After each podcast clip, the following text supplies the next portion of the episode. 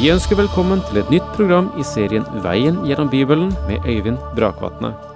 Denne studieserien er produsert av P7 Kristen Riksradio og bygger på serien Through the Bible av Vernon McGee. I dag fortsetter vi med gjennomgangen av Markus evangelium.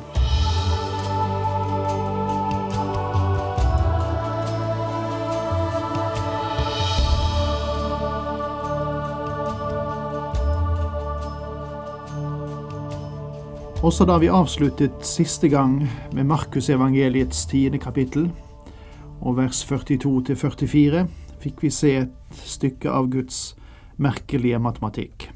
Han tenker så helt annerledes enn vi gjør. Uttrykket for menneskenes tenkning er nesten som monolitten i Frognerparken i Oslo, der mennesker trakker på hverandre for å nå høyest mulig mens Jesu prinsipp for hva sann storhet er, det har med tjenerrollen å gjøre.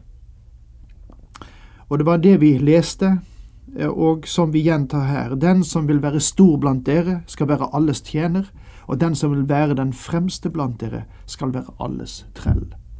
Ja, det er ikke alltid vår måte å tenke på, men det er Guds måte å tenke på, og det er den vi skal lære. For det er langs denne linje at Guds velsignelse ligger, og det er langs denne linje at vi kan være til størst, best og dypest nytte.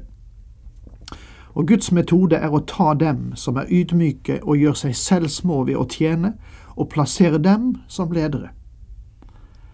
Sjefen må være alles tjener, og så gir han oss nøkkelen til dette evangeliet når han sier i Markus 10 vers 45 slik:" For menneskesønnen er ikke kommet for å la seg tjene, men for selv å tjene og gi sitt liv som løsepenge for mange.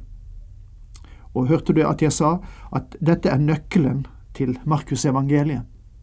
Og jeg tror at uh, det er uh, mange ting som taler for at det er riktig. Og merk det altså verset, Markus 10, vers 45. Deretter kommer vi nå til beretningen om den blinde Bartimeus. Denne beretningen finner du også igjen hos Matteus og hos Lukas. Det er mennesker som fornekter Skriftens troverdighet fordi de ikke klarer å forene evangelienes forskjellige gjengivelser av denne episoden. Matteus nevner to blinde menn, men Markus sentrerer sin oppmerksomhet om Bartimeus fordi han var den som førte ordet. Jeg tror at den kritikeren som forsøker å rive i stykker beretningen i evangeliet, egentlig er den tredje blinde mannen. De kom til Jeriko, og da han dro ut av byen sammen med disiplene og en stor folkemengde, satt en blind mann ved veien og tigget. Han het Bartimeus, sønn av Timeus. Da han hørte at det var Jesus fra Nasaret som kom, satte han i å rope, Jesus, du Davids sønn, miskunn deg over meg. Mange skjente på ham og ba ham tie, men han ropte bare enda høyere, Du Davids sønn, miskunn deg over meg. Da stanset Jesus og sa, Be ham komme hit. De ropte på den blinde og sa til ham, Vær ved godt mot, reis deg, han kaller på deg. Mannen kastet kappen av seg, sprang opp og kom til Jesus. Hva vil du jeg skal gjøre for deg? spurte Jesus. Den blinde svarte, Rabuni, la meg få syne. Da sa Jesus til ham, Gå du, din tro har frelst deg. Straks kunne han se, og han fulgte Jesus på veien. Jeg synes at det er meget inspirerende å tenke på at Bartimeus nå fulgte Jesus med åpne øyne.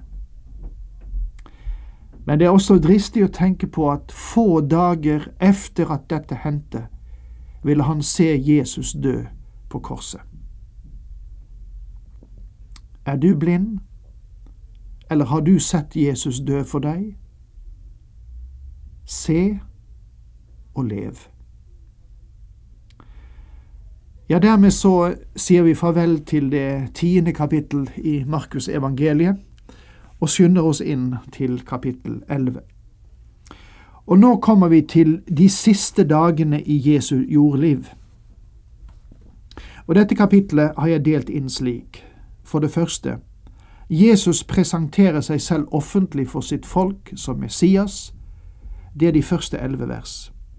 Deretter, Jesus uttaler en dom over fikentreet, vers 12-14. Jesus renser tempelet. Den biten strekker seg fra vers 15 til 21. Jesus taler om bønn i vers 22 til 26. Og til sist, Jesus gjør de religiøse lederne opprørt. Og det er slutten av kapittelet fra vers 27. Dette ellevte kapittelet handler om de tre dagene da han kom til Jerusalem. Jeg har denne innstillingen at hans såkalte triumfferd ikke var så triumfartet som det gis inntrykk av. Det var den Herre Jesus som kom til Jerusalem og sto frem offentlig under sin jordiske tjeneste og presenterte seg selv. Og summen av det hele var at han ble forkastet.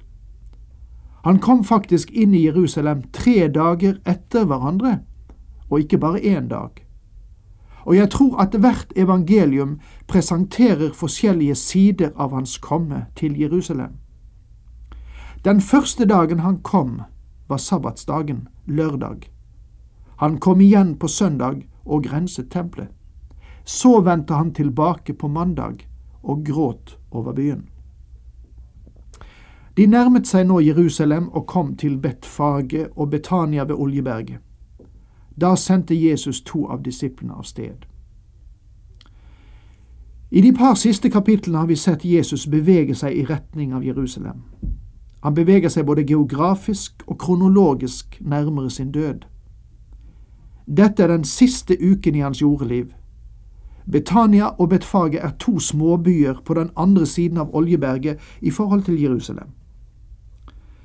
Hvis jeg noensinne får den glede å komme til Israel, og hvis det er litt tid på reisen, så vil jeg gjerne gå strekningen mellom Betania og Jerusalem for meg selv. Det må ha vært noe ekstra for Jesus å bevege seg fra Betania, kjærlighetens oase, og til Jerusalem, hatets by, der han sikkert merket de onde anslagene som ble lagt for å rydde ham av veien. Nå gir den Herre Jesus to av sine menn et oppdrag, og han sa til dem, Gå inn i landsbyen som ligger foran dere. Straks dere kommer inn i den, skal dere finne en eselfole som står bundet, og som ennå ikke noe menneske har sittet på. Løs den og før den hit. Og om noen spør, Hva er det dere gjør? skal dere svare, Herren har bruk for den, og han vil straks sende den tilbake. Det er to mulige forklaringer på den eselfolen som Jesus red på inne i Jerusalem. Den Herre Jesus kunne ha kjent til den, siden han er Gud og derfor allvitende. Det kunne ha vært et mirakel fra begynnelsen. Men på den annen side kunne alt dette også vært ordnet på forhånd, og derfor vært ganske menneskelig. Det virker ikke å være særlig nødvendig å lese inn et under her, når den naturlige forklaringen egentlig dekker situasjonen. Selv er jeg tilbøyelig til å tro at Herren hadde ordnet dette på forhånd, og jeg tror at du vil finne like stor mening i denne tildragelsen om du ser det fra den siden. Det viktige i situasjonen er nemlig at Jesus stadfester sin autoritet. Legg merke til at hvis noen spør dem om hvorfor de løser eselfolen, så skal de si at Herren har bruk for den. Det er å stadfeste autoritet. Mens noen planlegger hans død, er det andre som bekrefter sin troskap mot ham, og han vil straks sende den tilbake. Det var dem som var lydige mot ham, og slik har det vært i mer enn 1900 år. Det er to grupper mennesker i dag også, og Når vi leser videre, så finner vi at de gikk inn i byen og fant tingene akkurat slik Herren hadde sagt. De gikk av sted og fant folen bundet ved en dør ut mot gaten, og de løste dem.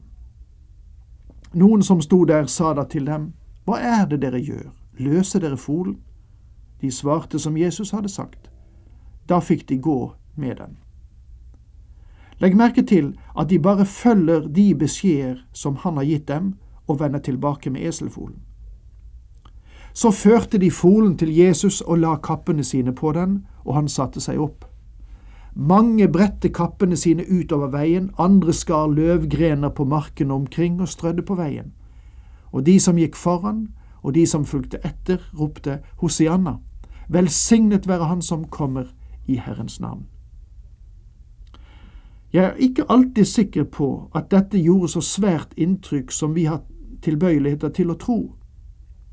Og det ville helt sikkert ikke ha gjort noe inntrykk på dem som hadde besøkt Rom ved et tidspunkt da en av keiserne vendte tilbake fra en av sine tokter og hadde seiersinntog. Det er sagt at så mye hærfang og så mange fanger førte de med seg tilbake at paraden kunne ta både to og tre døgn. Så det var helt andre dimensjoner her, ser du. Her var det nærmest et mindretall av galileere, bønder og andre. Men det som er det vesentlige og det viktige, er at den Herre Jesus stiller seg frem offentlig for å bli offeret. Han kom inn i Jerusalem og gikk inn på tempelplassen. Der så han seg omkring overalt, men da det allerede var blitt langt på dag, dro han ut til Betania sammen med de tolv. Det er to ting som er viktig å se her. Det var åpenbart sabbatsdagen, og pengevekslerne og oksene var ikke der. På den første dagen kom han som prest, og han var ofret. Han kom inn som ypperste prest for å gi det offer som Gud kan godta for dine synder og mine synder. Og legg også merke til at han ikke tilbrakte natten i Jerusalem, men vendte tilbake til Betania om kvelden. Jesus hadde stilt seg selv frem for offentligheten og krevde en avgjørelse. Så langt som vi kjenner til det, tilbrakte han ikke en natt i den byen som fornektet ham. Neste dag, da de gikk fra Betania, ble Jesus sulten. Langt borte så han et fikentre med løv, og han gikk for å se om han kunne finne frukt på det. Men da han kom bort til det, fant han ikke annet enn blad, for det var ikke tiden for fikener. Han sa da til treet, Aldri mer skal noen spise frukt av deg. Dette hørte disiplene. Og dette er neste dag, den andre dagen, og de kom fra Betania. Dette er andre dagen han gikk inn i byen i triumf. Denne lille hendelsen har skapt store kontroverser. På denne dagen renset han tempelet, og han forbannet fikentreet. Nasjonen Israel er, etter min oppfatning, representert ved fikentreet. Jeg er klar over at andre vil stille seg avvisende til det, og jeg vil ikke reise noen debatt på dette punktet. Det jeg er interessert i, er at det her er en stor åndelig lekse. Israel hadde det ytre bladverket av en gudgitt religion, men det var ingen åndelig frukt. Jeg undrer om vi kan si det om Kristi menighet i dag. Dette ville vært hans budskap i dag til menigheten i Laudikea. De hadde ingenting, de var fattige og blinde og trengte salve for å få sine øyne åpnet. Det betyr at Den hellige ånd var ikke der. Hvilken tragisk situasjon, og jeg håper vi ikke rammes av den samme. Takk for i dag, Herren med deg.